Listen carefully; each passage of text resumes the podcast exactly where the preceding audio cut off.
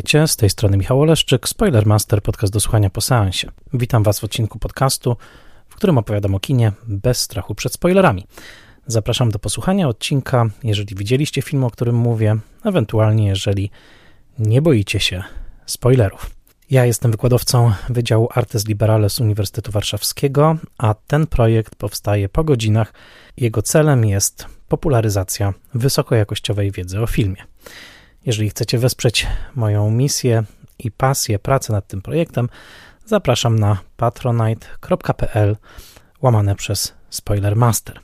Tam możecie to zrobić, tam możecie się też dowiedzieć więcej o bonusach wsparcia. Tego odcinka słuchacie, tak jak wszystkich poprzednich, dzięki patronkom i patronom właśnie w tym serwisie. Szczególnie dziękuję moim patronkom i patronom imiennym, to znaczy Agnieszce Egeman, Sebastianowi Firlikowi, Joannie i Dominikowi Gajom, Odiemu Hendersonowi, Beacie Hołowni, Adamowi Andrzejowi Jaworskiemu, Annie Jóźwiak, Tomaszowi Kopoczyńskiemu, Jarkowi Krauzowi, Bartoszowi Filipowi Malinowskiemu z bez schematu, Misiowi Misiowej i Misiowi Juniorowi, Jakubowi Mrozowi, Iwonie Oleszczuk-Jaźwieckiej, Annie i Krystianowi Oleszczykom, Władimirowi Panfiłowowi, Tomaszowi Pikulskiemu, Weronice Więsyk, Jackowi Wiśniewskiemu, Michałowi Żołnierukowi, a także blogowi Przygody Scenarzysty prezentującemu analizy scenariuszowe. Dziękuję im wszystkim. To dzięki nim i wszystkim, którzy wspierają bądź wspierali ten podcast, te treści, które umieszczam co tydzień, mogą być obecne, dostępne w wolnym, szerokim dostępie. Dodam, że jeżeli e, nie chcecie wspierać mojego podcastu w jakimś okresie czasu, możecie to zrobić w serwisie Buy Coffee 2 w sposób jednorazowy, stawiając mi kawę. Dzisiaj zapraszam Was na odcinek z cyklu Spoiler Master Classic. Nie tak dawno opowiadałem o filmie Człowiek z blizną Briana De Palmy. To był film e, z roku 1983, a dzisiaj chciałbym Was zaprosić do dalszej opowieści o De Palmie. Tym razem spotykamy go w roku 1987. E, tematem odcinka będzie film pod tytułem Nietykalni The Untouchables, właśnie z roku 1987, który okazał się po premierze największym kasowym hitem De Palmy w filmografii tego reżysera, dosyć nierównej pod względem przychodów, jakie generowały jego filmy. Ta filmografia przypomina dosyć dramatyczną sinusoidę pod tym względem. Nietykalnych zdetronizuje 9 lat później dopiero Mission Impossible, pierwszy odcinek, który Brian De Palma wyreżyseruje właśnie w roku 1996. A zatem opowiem Wam dzisiaj o filmie De Palmy, który odniósł ogromny sukces. Film, który kosztował 20 milionów dolarów, na rynku amerykańskim tylko przyniósł ponad 70 milionów dolarów, a na całym świecie ponad 180 milionów dolarów. To był gigantyczny sukces i jednocześnie 18 pełnometrażowy film De Palmy, który został przywitany entuzjastycznie z jednej strony, a z drugiej strony wielu krytyków na czele z Pauline Kael, która przez bardzo wiele lat była w zasadzie największą fanką De Palmy spośród krytyków i krytyczek amerykańskich. Otóż wielu obserwatorów dostrzegło, że jest to film, który De Palma zrobił niejako na zamówienie. Film, który miał być w zamierzeniu komercyjny i który nie miał aż tak wiele wspólnego z jego bardziej osobistymi projektami, takimi zwłaszcza jak Wybuch z roku 1981, którego dotkliwa klęska kasowa przełamała karierę De Palmy na pół. Dzisiaj chciałbym opowiedzieć Wam więcej o tym na pewno ekscytującym, świetnie zrealizowanym filmie gangsterskim, filmie akcji, a nawet przynajmniej w jednej długiej sekwencji o westernie, jakim są Nietykalni. To jest pierwszy film Briana De Palmy, jaki ja widziałem w swoim życiu. Widziałem go w wieku lat 13 w słynnym, przywoływanym w Spoilermasterze powielokroć cyklu 100 na 100, czyli 100 filmów na stulecie kina, bo tam właśnie w telewizyjnej jedynce wyemitowano go w roku 1995. Był to jeden z najnowszych filmów e, włączonych do tego zaszczytnego grona 100 i był to film, który już wtedy bardzo mi się spodobał, stylowy film gangsterski ze świetnymi scenami akcji, z intrygującą ścieżką dźwiękową Ennio Morricone, z bardzo groźnym, a jednocześnie w dziwny, przewrotny sposób zabawnym Robertem De Niro jako Alem Capone. Jeśli chcecie posłuchać więcej o De Palmie do tego czasu, oczywiście zapraszam do odcinka, który niedawno poświęciłem filmowi De Palmy Scarface z 1983 roku. Tak się składa, że napisałem też trzy długie eseje o De Palmie, o jego filmach z lat 70. i 80. Te eseje są do znalezienia na Filmwebie w cyklu Reaction Shot. To były długie teksty poświęcone filmom Carrie, czyli pierwszemu wielkiemu hitowi kasowemu De Palmy z 76 roku, adaptacji Stephena Kinga, następnie Strojowi Zabójcy, znanemu także jako W przebraniu mordercy z roku 80 i tekst o filmie Wybuch, czyli właśnie Blowout. Jeśli przeczytacie te trzy teksty, jeśli wysłuchacie odcinka o Scarface, to mm, będziecie już mieli dobrze przygotowany grunt do opowieści o nietykalnych. Ja powiem najważniejsze rzeczy oczywiście o De Palmie także w tym odcinku. To jest reżyser, który przychodzi na świat w 1940 roku w Newark w stanie New Jersey. Jego ojciec jest chirurgiem ortopedą. De Palma do, dorasta w rodzinie katolickiej, ale w dużej mierze kształtuje go także tradycja kwakrów, uczęszcza do kwakierskiej szkoły e, i staje się także w latach 50., zwłaszcza rodzajem komputerowego, technicznego geniusza. W latach 60. porywa go kino, zwłaszcza kino rewolucyjne, rewolucyjnie lewicowe, na czele z Jean-Luciem Godardem. I spośród całej paczki przyjaciół, jaka wówczas się formuje, to znaczy Steven Spielberg, George Lucas, Martin Scorsese i właśnie Brian De Palma, on zdecydowanie jest tym najbardziej rozpolitykowanym, tym, który chce używać kina na sposób najbardziej radykalny i awangardowy.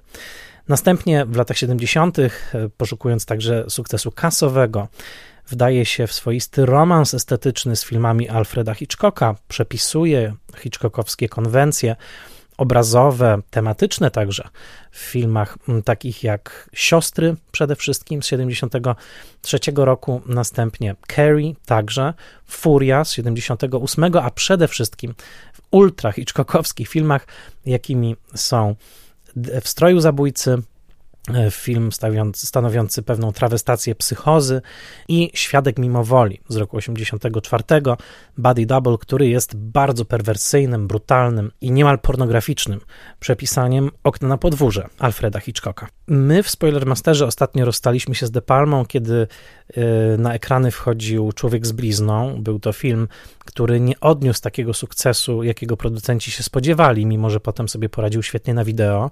Film, który został bardzo krytycznie przyjęty przez społeczność hollywoodzką, e, w którym ta społeczność odczytała trochę swój własny portret oszalałej, kokainowej, dekadenckiej e, wyspy obłąkanych bogaczy gangsterów. E, I po człowieku z blizną De Palma musiał się mierzyć z coraz to silniejszymi zarzutami dotyczącymi ilości przemocy w jego filmach. Pamiętajcie o scenie ćwiartowania piłą mechaniczną. To tylko jedna ze scen, które dostały się pod ogień krytyki. Także grupy feministyczne bardzo mocno atakowały De Palmę, zwłaszcza po stroju zabójcy, wskazując na powracające w jego filmach obrazy przemocy wobec kobiet. E, De Palma był bardzo rozsierdzony tymi atakami i e, w zgodzie też ze swoim charakterem, zamiast e, nakręcić film, który byłby powiedzmy to sobie koncyliacyjny, który byłby ręką wyciągniętą na zgodę, nakręcił Świadka mimowoli, który był jak siarczysty policzek wymierzony wszystkim krytykom jego twórczości. To znaczy, to był film, w którym on docisnął pedał gazu tej właśnie krwawej przemocy w sposób y, no, ocierający się, tak jak powiedziałem, o pornografię. Scena zabójstwa e, kręcącym się świdrem z wyraźnymi konotacjami seksualnymi i cały film skąpany w tematach podglądactwa, wojeryzmu, pornografii, przemocy, to mimo oczywiście też ogromnej ilości humoru, która jest w tym filmie, to okazało się za dużo. Film swoją drogą też odniósł porażkę kasową. Brian De Palma, fan baseballa, powtarzał często baseballową maksymę, to znaczy three strikes and you are out, to znaczy te trzy strajki. Nie pytajcie mnie do końca, na czym polega baseball, bo nie wiem, mimo że obejrzałem wielogodzinny serial Kena Burnsa na ten temat, nadal do końca tych zasad nie rozumiem. W każdym razie, do trzech razy sztuka, mówiąc krótko, i po tym jak film Świadek Mimowoli nie odniósł sukcesu kasowego, po tym jak kolejny jego komercyjny w zamierzeniu projekt, to znaczy komedia Cwaniaczki, Wise Guys, osadzona w jego rodzinnym stanie New Jersey z Danem DeVito i Joe'em Piscopo, także okazała się porażką kasową, no to De Palma czuł, że jeszcze jeden błąd, jeszcze jeden film, który kasowo się nie uda i Hollywood na dobre będzie się chciało z nim rozstać.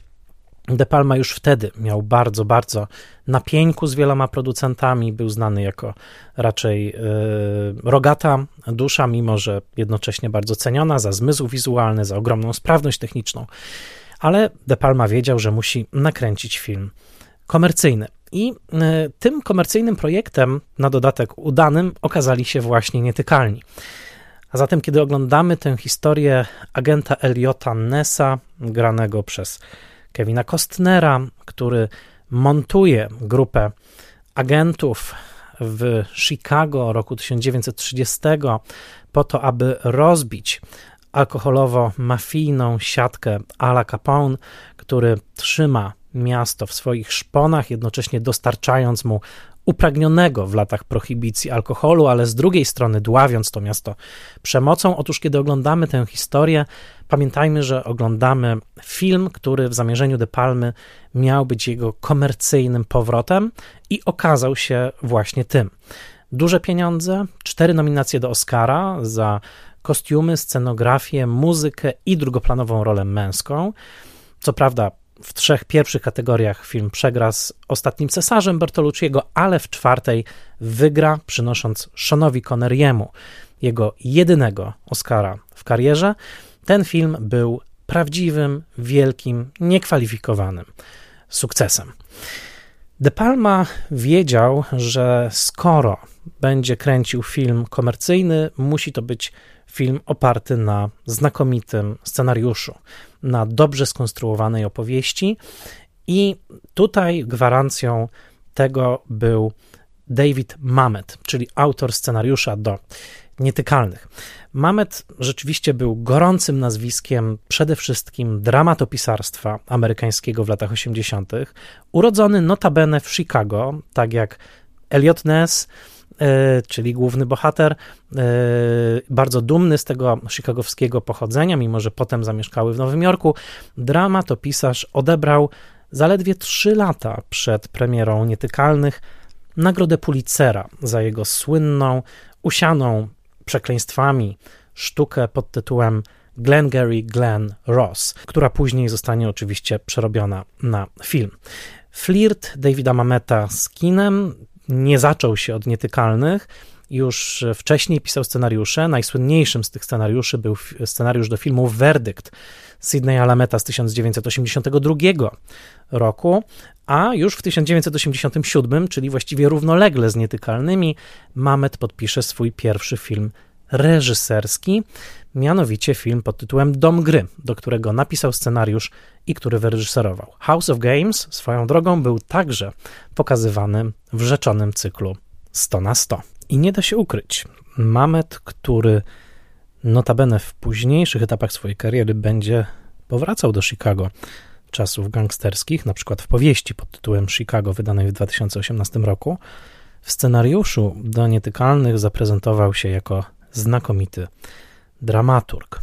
Opowieść o Eliocie Nesie, czyli o agencie pracującym dla Departamentu Skarbu Stanów Zjednoczonych, którego zadaniem jest przyskrzynienie Ala Capone, jest jednym wielkim hołdem dla amerykańskiego kina gangsterskiego. Już w pierwszej scenie widzimy Ala Capone, jak e, leży na e, fotelu fryzjerskim, ma być właśnie ogolony przez goli brodę i na jego twarzy przez długą, długą chwilę spoczywa gorący ręcznik.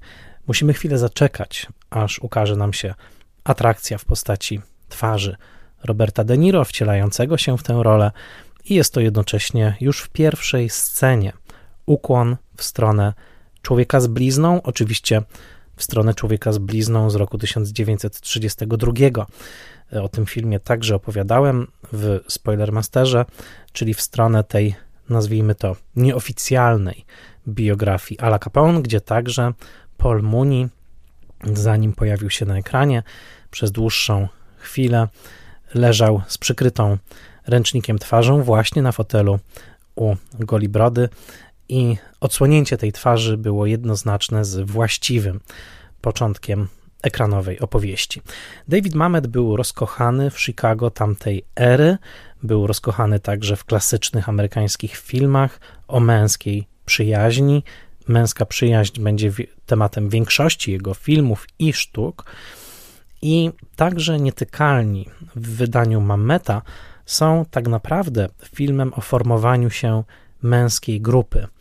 Moglibyśmy tę męską grupę zestawić z innymi grupami, chociażby z twórczości Howarda Hawksa.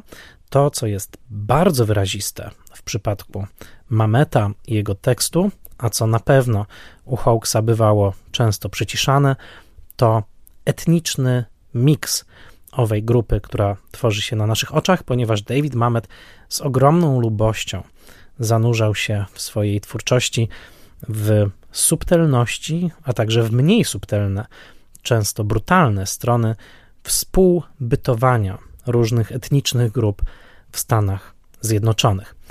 David Mamet sam pochodzi z rodziny żydowskiej i jest dumnym Żydem, który w wielu późniejszych tekstach e, także wyrażał, wyrażał swój ogromny entuzjazm i poparcie dla polityki państwa Izrael. W ostatnich latach wręcz David Mamet stanie się jednym z bardziej konserwatywnych e, przedstawicieli społeczności żydowskiej w Stanach, włącznie z tekstami jednoznacznie chwalącymi prezydenta Donalda Trumpa.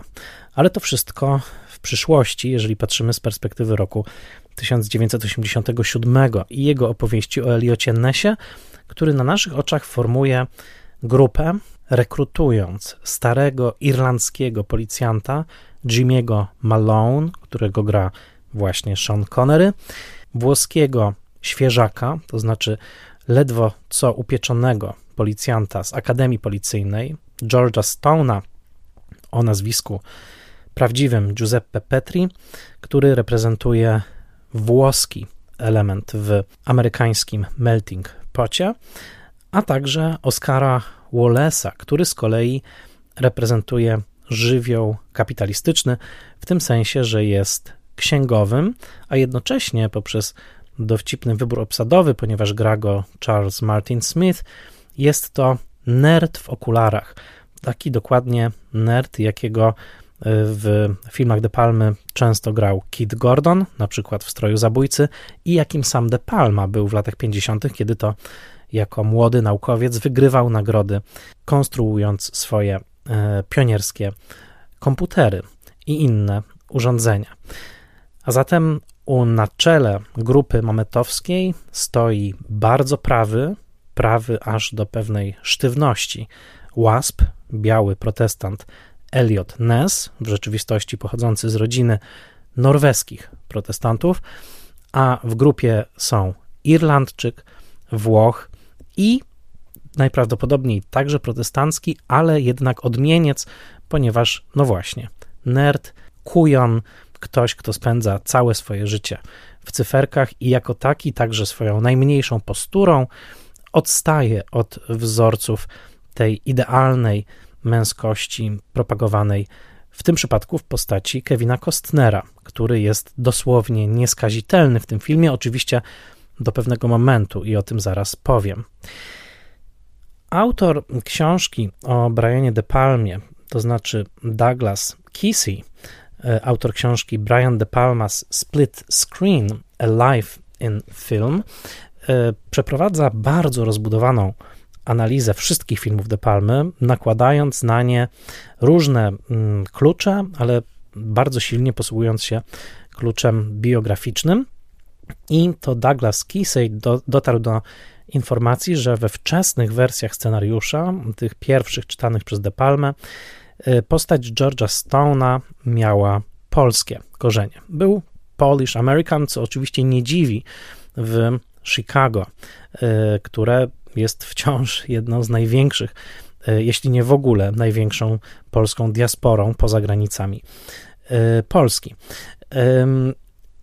De Palma w jednym z wywiadów powiedział, że zmienił etniczność George'a Stone'a właśnie z polskiej na włoską, ponieważ nie chciał, żeby grupa Eliota Nessa aż tak bardzo odróżniała się od wroga, z którym walczą, ponieważ fakt, że Stone koniec końców w filmie, tak jak gra go Andy Garcia, jest właśnie Włochem, sprawia, że zaczyna powstawać ciekawa symetria. Mianowicie y, grupa Nessa ma przedstawiciela tej samej grupy etnicznej, którą uosabia Capone. Innymi słowy, mamy tutaj Włocha, który walczy o dobre imię innych Włochów, właśnie walcząc z Alem Capone, który to imię w oczach amerykańskiej społeczności plami. Jest to interesujący koncept, który Douglas Kisey do, przykłada do całości twórczości De Palmy. Tytuł jego książki, powtarzam, to Split Screen i nie odnosi się to tylko do jednego z ukochanych montażowych zabiegów De Palmy, to znaczy właśnie z dzielenia ekranu na połowę, a czasem nawet na trzy części i ukazywaniu w tych różnych skrzydłach ekranu różnych fragmentów akcji. Tego jest w tej twórczości mnóstwo, w zasadzie w, prawie we większości filmów De Palmy znajdziemy scenę jakąś z podzielonym z podzielonym ekranem. Otóż Douglasowi Kiseyowi nie chodzi tylko o to, o ten podział, o ten split. Douglas Kisey mówi, że w całej twórczości De Palmy mamy do czynienia z analizą podzielonych, rozszczepionych osobowości, takich, w których jednocześnie funkcjonuje dobro, jednocześnie funkcjonuje zło, często w bardzo gwałtownych przeciwstawieniach. Oczywiście są filmy, które podejmują temat tej rozszczepionej osobowości wprost, w twórczości De Palmy. To na pewno Siostry, to na pewno Furia, to na pewno e, Raising Cain, jego film z 1992 e, roku. E, by nie wspomnieć o Straju Zabójcy, który także podejmuje ten temat, ale jak twierdzi Kisej, w każdym filmie De Palmy znajdziemy jakiś odprysk tego tematu.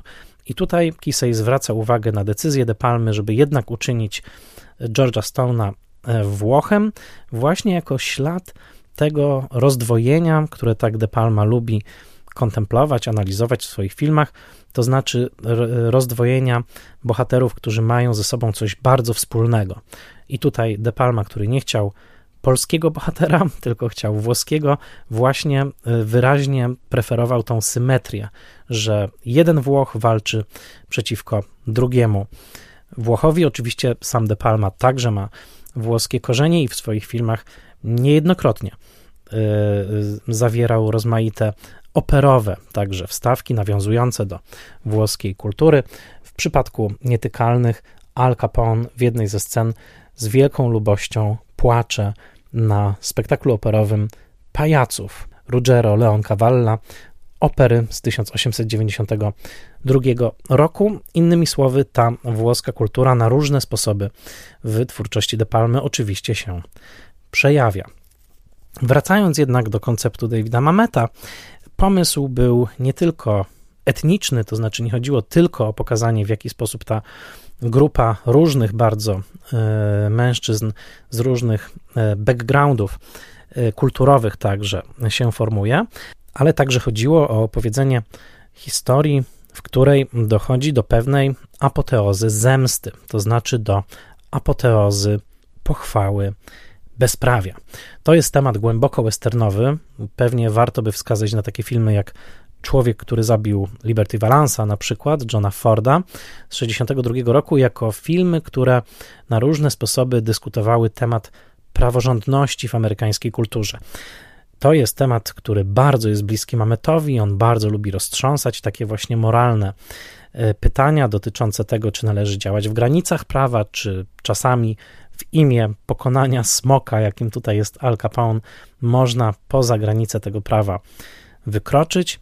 No i w przypadku nietykalnych, tak naprawdę mamy film, e, który powoli, powoli ukazuje przemianę Eliota Nessa od kogoś, kto deklaruje, że będzie działał tylko i wyłącznie w granicy prawa, do kogoś, kto korzystając z okazji na końcu, zrzuca z dachu e, człowieka, Franka Nitiego, który wcześniej zabił Jimmy'ego Malone, czyli przyjaciela Eliota Nessa, przede wszystkim jednak jego współpracownika w ramach oddziału nietykalnych i moment, w którym e, Ness najpierw ma odpuścić Nitiemu, to znaczy ma sprawić, że Niti po prostu odpowie przed wymiarem sprawiedliwości, ale jednak moment, w którym Ness słyszy obrzydliwą obelgę rzuconą pod adresem zabitego zresztą przez samego Nitiego Malona, Elliot Ness nie wytrzymuje i zrzuca Nitiego z dachu, a my bijemy brawo, ponieważ czujemy, że jest to zasłużona i sprawiedliwa zemsta. Cały koncept Mameta tak naprawdę polega na przeprowadzeniu postaci Eliota Nessa, który jest kochającym ojcem, kochającym mężem, właściwie postacią nieposzlakowaną, która zaczyna swoją pracę dla policji w Chicago od e, czystki w postaci e, upewnienia się, że jego najbliżsi współpracownicy nie będą nawet pili alkoholu było bardzo powszechne w latach prohibicji, czyli od 1920 do 1933 roku, że e, policja w Chicago aktywnie wspomagała tak naprawdę system dystrybucji nielegalnego alkoholu, także jako konsumenci. Otóż Elliot Ness zaczyna właśnie od takiego nieskazitelnego wizerunku. Mm, sam często powtarza zdanie, że dobrze jest mieć żonę, ta rodzina jest przedstawiona jako absolutnie jak z obrazka, jak z żurnala. Tutaj e, niemal przesłodzona, ale celowo przesłodzona rola Patricia Clarkson jako żony właśnie. I Mamet z wielką lubością, scena po scenie, z żelazną logiką, właściwie od pierwszej rozmowy z Jimmy Malone, który jest pokazany z jednej strony jako absolutnie prawy policjant, e, policjant, którego brzydzi korupcja e, w szrankach e, chicagowskiej policji i dlatego przystaje do Nessa, ale z drugiej strony w scenie w kościele Jimmy Malone mówi wprost Elliotowi Nessowi: Jeśli chcesz pokonać takiego smoka, jakim jest Al Capone, to musisz przebijać jego własne metody. To znaczy, to już nie jest nawet oko za oko, tylko jeśli otrzymasz od niego cios, musisz odpowiedzieć kulą. Jeśli on wyśle jednego z Twoich współpracowników do szpitala, ty musisz wysłać jednego z jego współpracowników do kostnicy. To jest świetna scena dialogowa swoją drogą, która myślę, że powinna być studiowana w e, na zajęciach ze scenariopisarstwa, ponieważ w bardzo krótkich słowach, w bardzo lakonicznym dialogu e, Jimmy Malone prezentuje pewną swoją filozofię. To znaczy mówi: Dobrze, chłopaku, młody chłopaku, dodajmy, e, przemawiam już z pewnej pozycji doświadczenia. Jeżeli już postanowiłeś, że chcesz e, zabić tego potwora, to musisz się liczyć z tym, że e, będziesz musiał także robić rzeczy, które wykroczą poza twój moralny kodeks. Na początku Elliot Ness mówi, że jest gotowy, aby pokonać Capona, zrobić wszystko, co tylko może w granicach prawa, ale cała późniejsza opowieść jest o tym, że będzie musiał coraz to bardziej te granice prawa przekraczać, aby pokonać kogoś, kto bez mrugnięcia okiem e, między innymi zabija Oscara Wallace'a, czyli owego księgowego, który od samego początku pragnie przyskrzynić Capona nawet nie za jego nielegalną dystrybucję alkoholu, ale za fakt, że unika on płacenia podatku dochodowego. Historycznie zresztą rzecz ujmując, postać Wallace'a, co prawda oparta na mężczyźnie, który nazywał się inaczej, bo Frank J. Wilson, e, ale od samego początku ta postać budzi także sympatię Mameta, ponieważ jest to ktoś, kto właśnie posługuje się e, sprytem w ramach systemu, a spryt w ramach systemu to jest coś, co Mamet często będzie w swoich e, scenariuszach celebrował. Odsyłam między innymi do jego filmów takich jak Wydział Zabójstw, czy filmów z jego scenariuszem, takich jak chociażby Fakty i Akty. David Mamet, a za nim Brian De Palma dostrzegają oczywiście ogromną ironię w sytuacji tytułowych nietykalnych. Z jednej strony celebrują dokładnie tę wartość, która e, pozwoliła im na przyjęcie owego przydomku Untouchables. Untouchables to znaczy dosłownie niemożliwi do skorumpowania. Policja chicagowska w tamtym czasie słynęła właśnie z tego, że Al Capone dosyć łatwo ją korumpował. Tymczasem dziennikarz Charles Schwartz, pisząc o działaniach Nessa na łamach Chicago Daily News w latach późnych 20. i wczesnych 30., ukuł właśnie ową frazę The Untouchables, która później przylgnęła do całego oddziału, który swoją drogą liczył od 3 do 10 ludzi. Zaraz powiem o ogromnej ilości nieścisłości historycznych w scenariuszu Mameta i w filmie De Palmy, ale jako się rzekło, i Mamet i De Palma smakują pewną ironię związaną z faktem, że cała ta walka, cała ta przemoc, jak mówi pod koniec Elliot Ness, tak naprawdę bierze się z e, nie tyle z absolutnej moralnej słuszności po stronie y, stróżów prawa i porządku, bo te wszystkie sztywne formułki zostają szybko y, zrzucone ze stołu ironią Jimmy'ego Malone, ale bierze się z ogromnej solidarności tych mężczyzn. No bo o co się rozgrywa cała wojna? O to, czy można dystrybuować alkohol w Stanach. E, prohibicja trwała 12 lat w Stanach, e, była konstytucyjnym prawem opartym na 18 poprawce do Konstytucji Stanów Zjednoczonych i po 13 latach została zniesiona 21 poprawką do Konstytucji. No i można zapytać, czy była po stronie tych, którym zależało na zakazie sprzedaży alkoholu w Stanach, a był to ruch bardzo purytański, bardzo protestancki z ducha, taki reformatorski, e, właśnie zakazujący e, picia, także w konsekwencji ogromnego pijaństwa, jakie, e, rozszerza, jakie szerzyło się wśród przede wszystkim mm, robotników klasy niższej, która często mm, sięgała po alkohol E, podłej jakości po to, żeby radzić sobie z ogromnymi stresami życia codziennego.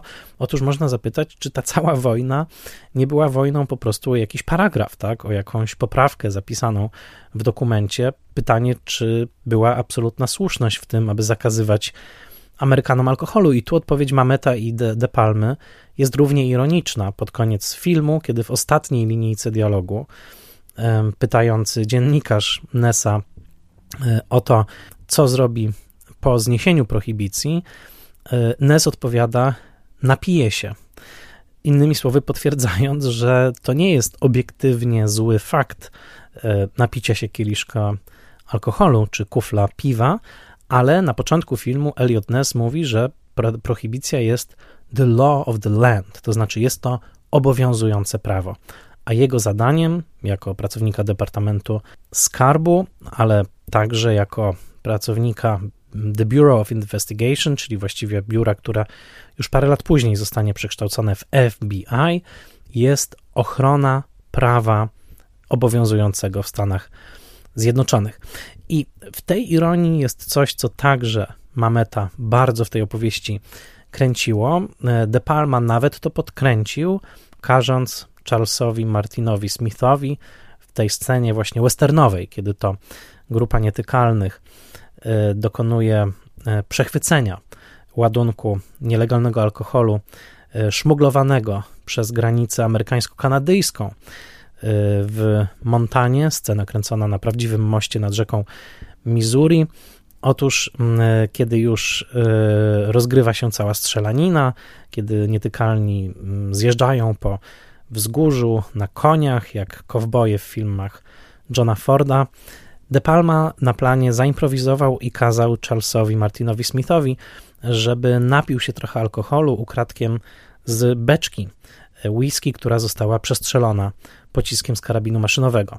Aktor się nawet temu trochę opierał, twierdził, że to wywraca całą motywację jego bohatera, ale De Palma powiedział: Zaufaj mi, cała publiczność będzie padała ze śmiechu, kiedy zobaczą, jak ukradkowo robisz ten łyk.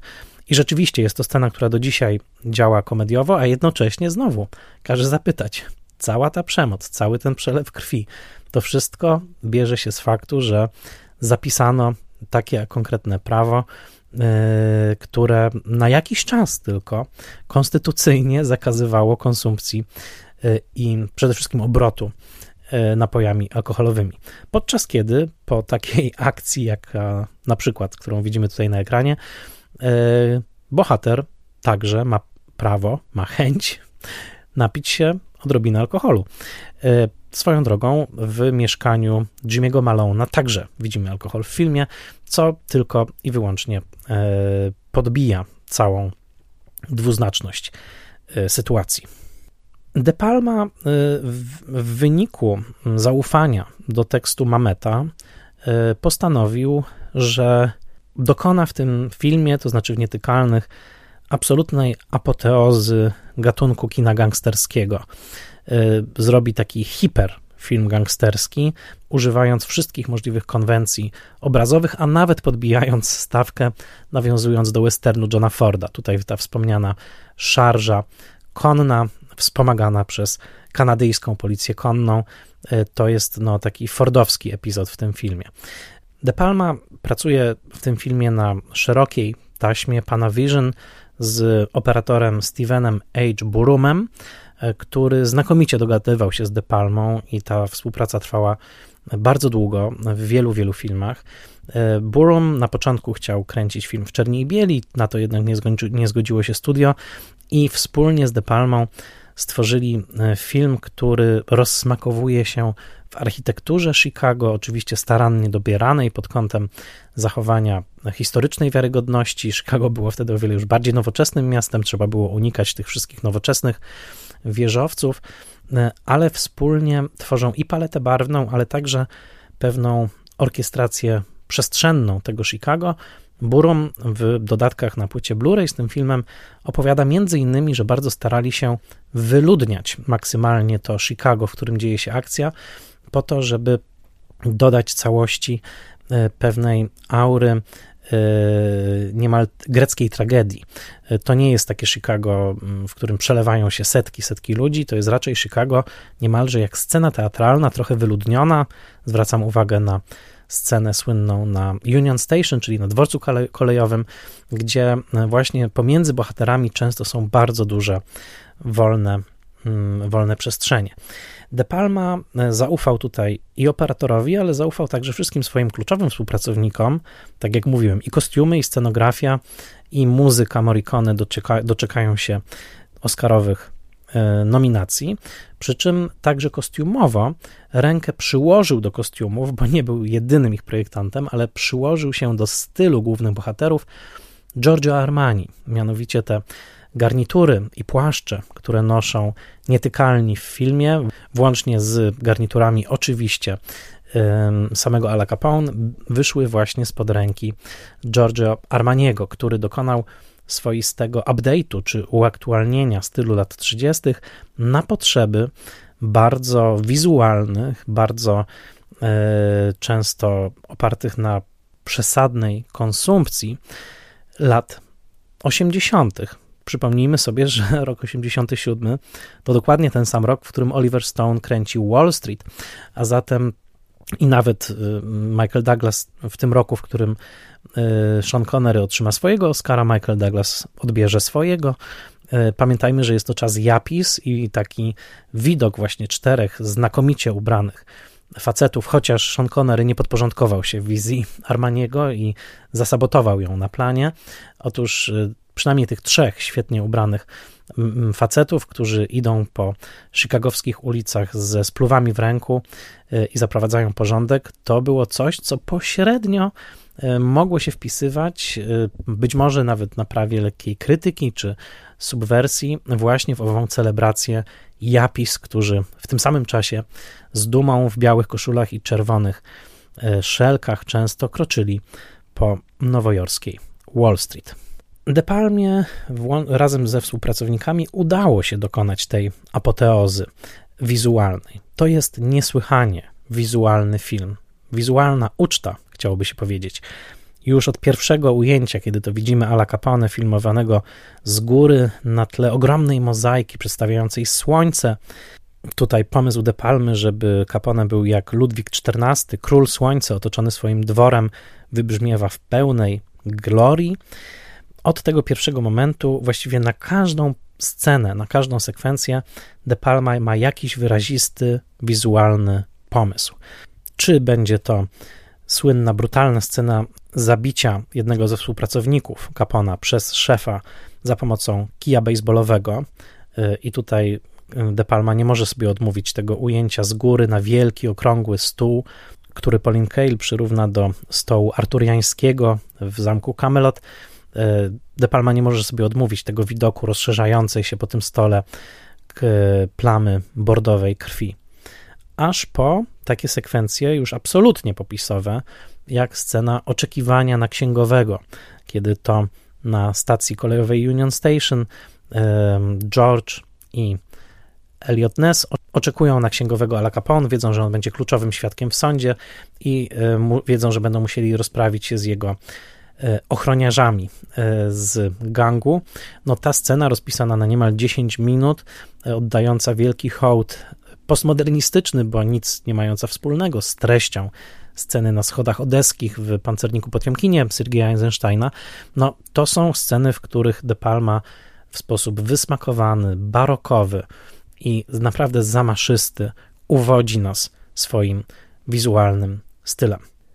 A zatem co do owego mistrzostwa nie można mieć żadnych wątpliwości.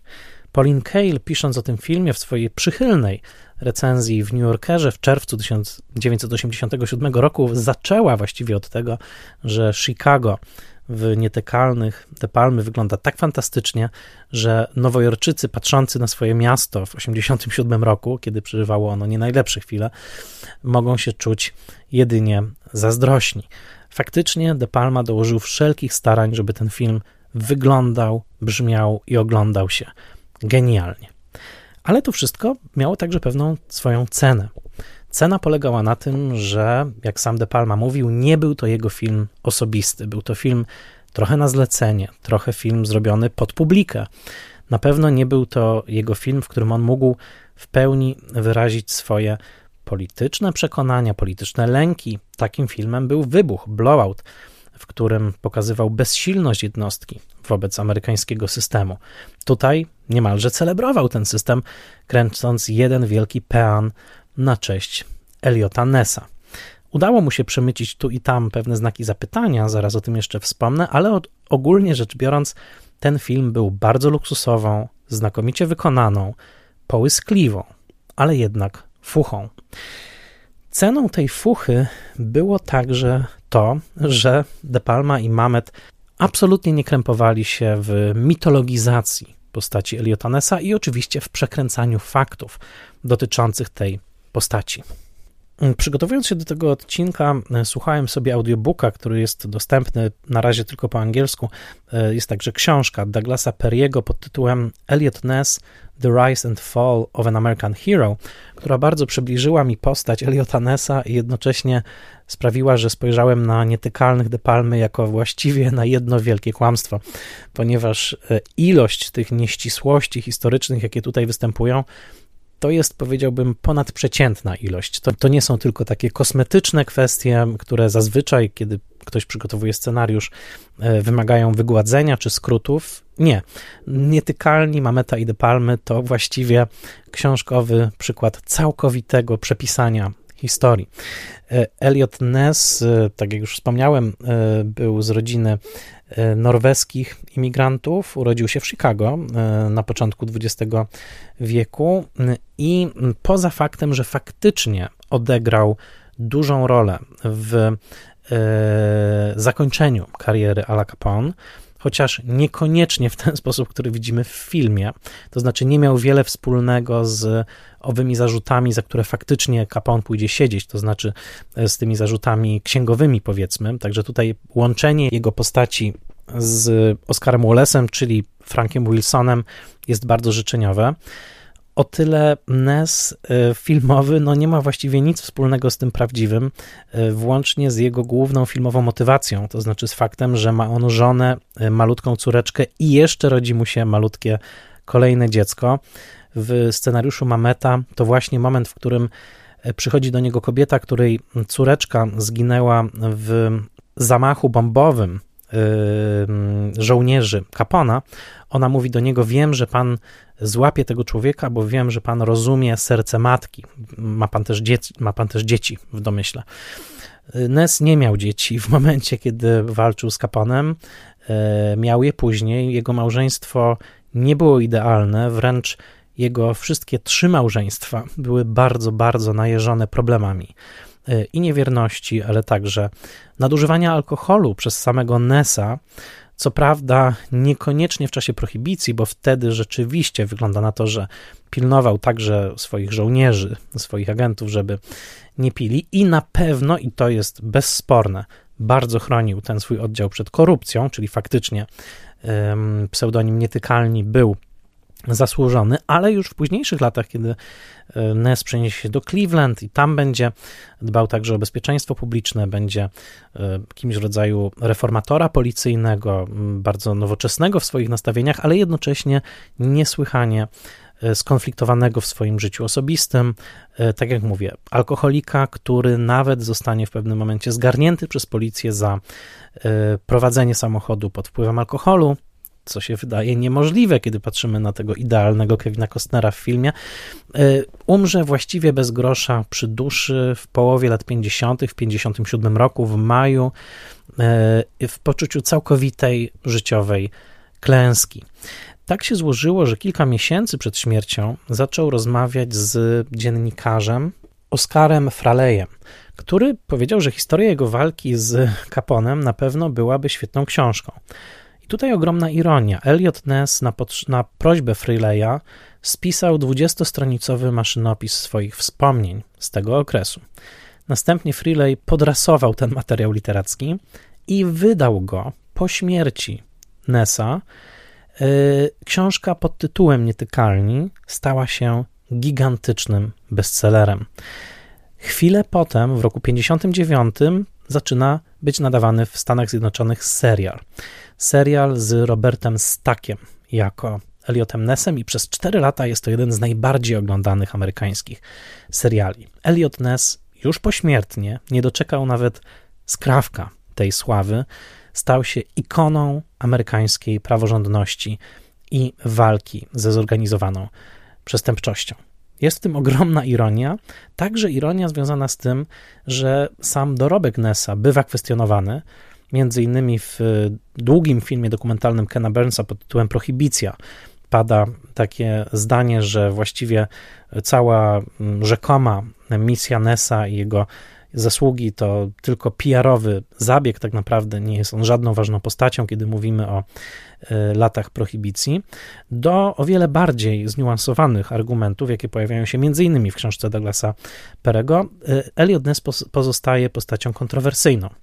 W Waszyngtonie kilka lat temu odbyła się kontrowersja, kiedy to e, jeden z budynków e, agencji do spraw alkoholu, narkotyków i niebezpiecznych substancji miał być nazwany imieniem Nessa i koniec końców na to się nie zgodzono, ponieważ uznano, że jego dziedzictwo jest zbyt niejednoznaczne. Oczywiście wszyscy kojarzą rolę Kevina Costnera, ale tak jak mówię, film nie ma właściwie nic wspólnego z prawdziwym życiorysem Nessa w tamtym czasie. E, dodam, że Ness nie zabił Franka Nittiego. Frank Nitti e, popełnił samobójstwo 12 lat po wydarzeniach pokazanych w filmie. Tak jak już wspomniałem, Elliot Ness nie miał córeczki i nie miał kolejnego dziecka w czasie, kiedy walczył z Caponem. Elliot Ness nigdy nie skonfrontował się z Caponem, nigdy go się nawet nie spotkał mimo że w filmie widzimy gniewną konfrontację w sądzie i wcześniej w lobby hotelu. Dopiero kiedy Capone był prowadzony do więzienia, doszło do, jed do jedynej interakcji E, pomiędzy nimi.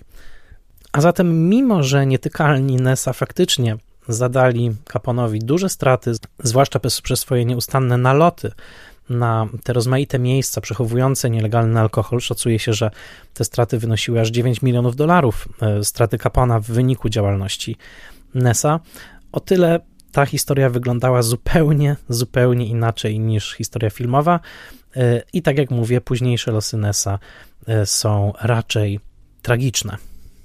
I De Palma, chcąc nie chcąc, no, e, musiał to zignorować. Musiał zignorować historyczną prawdę, jeśli chciał nakręcić film tak wyrazisty, tak gatunkowy, jak nietykalni, jakich i znamy. E, pamiętajmy także, że De Palma był pod dużym wrażeniem E, dawno temu w Ameryce Sergio Leone, które mm, co prawda w okaleczonej wersji weszło do Stanów, ale De Palma widział tę wersję pełną. Nie bez przyczyny chyba zatrudnił Ennio Morricone do napisania muzyki także w firmie bardzo nowoczesnej, bo posługującej się syntezatorem, mimo że akcja dzieje się w latach 30. E, I wydaje mi się, że na ten film możemy też spojrzeć jako na taki mały wyścig z Sergio Leone, ponieważ to, z jaką operową zamaszystością i lirycznym pięknem potraktował Leone, gatunek filmu gangsterskiego w 1984 roku, zdecydowanie wpłynęło także na De Palmę w roku 1987. Przy czym nie miejmy wątpliwości, dobra komercja mm, to także czasami film, który potrafi przekroczyć ramy samego produktu i otrzeć się o prawdziwą artystyczną wielkość.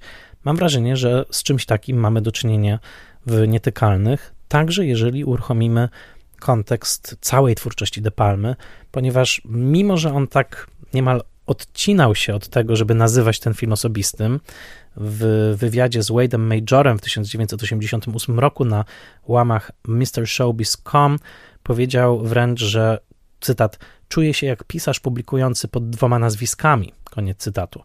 E, innymi słowy, y, że są jego filmy osobiste i są te filmy komercyjne, tak jakby to robił podwójny De Palma. Odsyłam do Douglasa Kiseya i jego split screenu.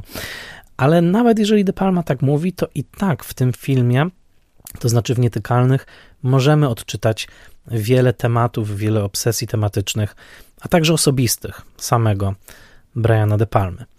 Y, między innymi fakt, że De Palma tak bardzo uparł się na obecność Roberta De Niro w tym filmie, y, ponieważ w pewnym momencie mm, De Palma zablefował, postawił wszystko na jedną kartę i powiedział producentom, że De Niro musi wystąpić w tym filmie, inaczej De Palma odchodzi, mimo że De Niro żądał bardzo dużych pieniędzy za tą rolę. E, wcześniej De Palma rozważał Boba Hoskinsa, ale wiedział, że ten film nie będzie miał tej mocy, jeżeli w roli Capona nie będzie naprawdę gwiazdorskiej roli De Niro. Więc z jednej strony to był też e, genialny zabieg e, marketingowy i artystyczny. Ale z drugiej strony, pamiętając, że De Niro i De Palma, zwracam uwagę na te nazwiska, rozpoczynali razem karierę i De Niro wystąpił w trzech młodzieńczych filmach De Palmy, jeszcze w latach 60. i wczesnych 70., to możemy też zobaczyć tutaj pewną progresję i na to też zwraca uwagę Douglas Kisey, że tak jak De Niro w młodzieńczych filmach De Palmy, to znaczy w Pozdrowieniach, Cześć Mamo i Przyjęciu Weselnym jest tak naprawdę alter ego samego De Palmy, czyli młodego człowieka o takim z jednej strony bardzo niegrzecznym poczuciu humoru, a z, drugim, z drugiej bardzo rozpolitykowanego, o tyle tutaj ten De Niro jest już postacią e, wręcz karykaturalnego patriarchy. I w tym karykaturalnym patriarsze, który mm, zabija kijem baseballowym jednego ze swoich niesubordynowanych współpracowników, e, dostrzega Douglas Kisey z jednej strony autoportret reżysera, który też lubił okładać swoją publiczność szokującymi obrazami. Ten film powstaje zaledwie 3 lata po scenie ze świdrem z świadka mimowoli, a z drugiej strony dostrzega ciągłą walkę De Palmy z jego własnym ojcem, który mm, nie do końca zaakceptował karierę syna, e, który, tak jak wspomniałem, był chirurgiem, ortopedą i który, e, no właśnie, też łamał ludziom kości, można powiedzieć, tyle że w celach medycznych. I tutaj ten portret Capona jako takiego ostatecznego E, właśnie e, niemal psychopatycznego, jednocześnie ojca, jest także czymś, co Douglas Kisey określa jako wątek osobisty w tym rzekomo komercyjnym, rzekomo nieosobistym filmie, jakim są Nietykalni. Na pewno też dla wszystkich tych, którzy szukają tropów Hitchcockowskich u De Palmy, tu też te tropy można odnaleźć. Mała dziewczynka, która niesie neseser z bombą i my wiemy, że on wybuchnie, to oczywiście nawiązanie do tajnego agenta, czyli sabotaż z 1936 roku. I tutaj też De Palma jest bezlitosny i na naszych oczach ta dziewczynka wylatuje, wylatuje w powietrze. Y, pod każdym możliwym względem jest to film dla fanów De Palmy, a nawet film, który w tej niekończącej się progresji i takiej e, e, odbijanego echa filmowego znalazł własną parodię w Nagiej Broni 33 i 1 trzecia. Już kilka lat później w tej serii parodystycznej Leslie Nielsen wystąpił w scenie, która parodiowała scenę na schodach Union Station, tak jak scena na schodach Union Station odwoływała się do e, pancernika Potiomkina, a zatem postmodernista De Palma sam stawał się E, nawet w okresie premiery tego filmu, kiedy pismo Mad Magazine opublikowało parodię tego filmu pod tytułem The Unwatchables, stawał się przedmiotem popkulturowego komentarza.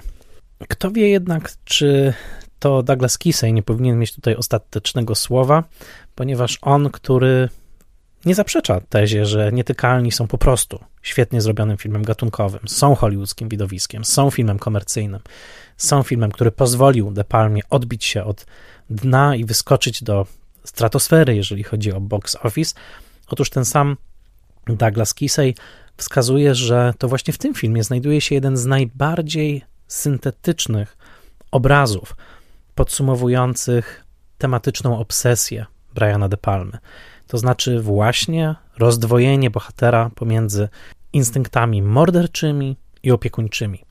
I to jest scena na schodach Union Station, kiedy, jak zwraca uwagę Douglas Kisej, w jednym momencie Elliot Ness jedną ręką przytrzymuje wózek dziecięcy, który bez tego przytrzymania za chwilkę spadnie po tych schodach z małym chłopcem w środku, a drugą ręką wymierza pistolet w stronę gangsterów Caponego.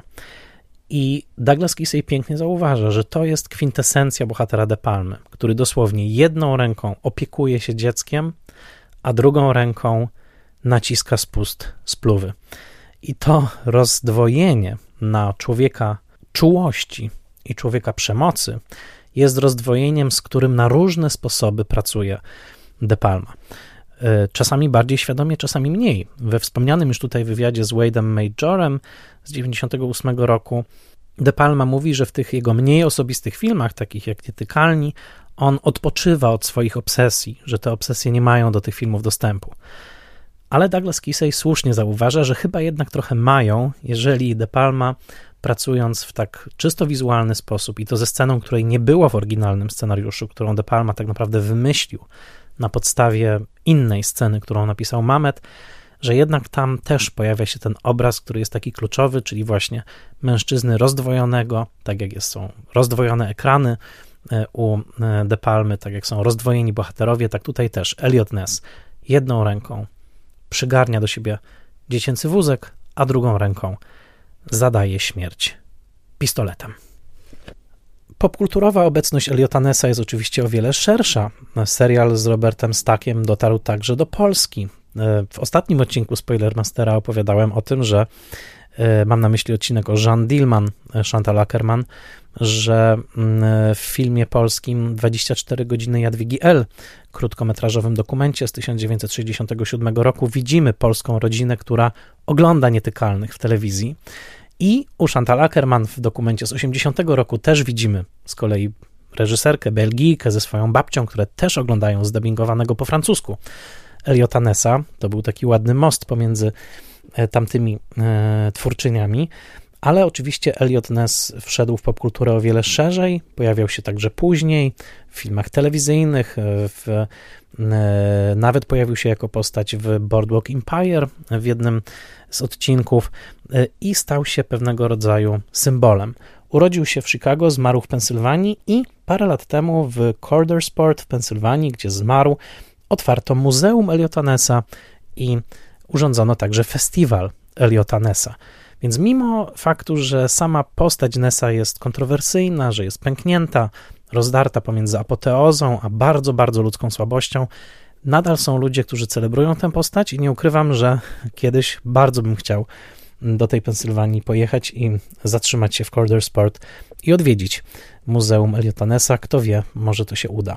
Na razie mój Elliot Ness to właśnie Kevin Costner, dla którego była to pierwsza rola, za którą zainkasował milion dolarów. Narodził się jako wielka gwiazda razem z tym filmem, wcześniej znanego przede wszystkim z Silverado, ale już parę lat później będzie odbierał Oscara jako reżyser i producent Tańczącego z Wilkami. Otóż dla mnie Elliot Ness to przede wszystkim Kevin Costner, Nietykalni to przede wszystkim Nietykalni, De Palmy i jest to dla mnie wielki triumf kina komercyjnego, które dzięki osobowości i artyzmie reżysera staje się czymś o wiele, wiele więcej. A fakt, że Sean Connery nadaje temu wszystkiemu jeszcze prawdziwą szkocko-irlandzką duszę, bo jest Szkotem, gra Irlandczyka, dostał nawet cudzysłów nagrodę za najgorszy akcent w historii, ponieważ jego Irlandczyk mówi jak Szkot, ale nie da się zaprzeczyć, że Sean Connery nadaje temu filmowi prawdziwe serce, prawdziwą duszę. Należał mu się ten Oscar, odebrany zresztą z rąk Cher i Nicolasa Cage'a, którzy w tym samym roku romansowali we wpływie księżyca. Odsyłam także do tamtego odcinka. To wszystko sprawia, że uważam, że jest to wielkie dzieło amerykańskiej kultury popularnej, które mam nadzieję wy też będziecie odkrywać dla siebie e, jako znakomity przykład tego, że prawdziwe komercyjne Hollywood bywa często także prawdziwą amerykańską sztuką. Mam nadzieję, że podobał Wam się ten odcinek Spoilermastera. Wysłuchaliście go dzięki patronkom i patronom. Jeżeli chcecie wesprzeć e, cotygodniowe premiery kolejnych odcinków, zajrzyjcie na patronite.pl łamane przez Spoilermaster, ewentualnie na Buy Coffee 2 e, na profil Spoilermastera. Raz jeszcze dziękuję patronkom i patronom, dzięki którym wysłuchaliście tego odcinka. Mam nadzieję, że on się Wam podobał i zdradzę już teraz, że następny Spoilermaster będzie także poświęcony De Palmie, a premiera tego odcinka o życiu Carlita odbędzie się za tydzień. Thank you.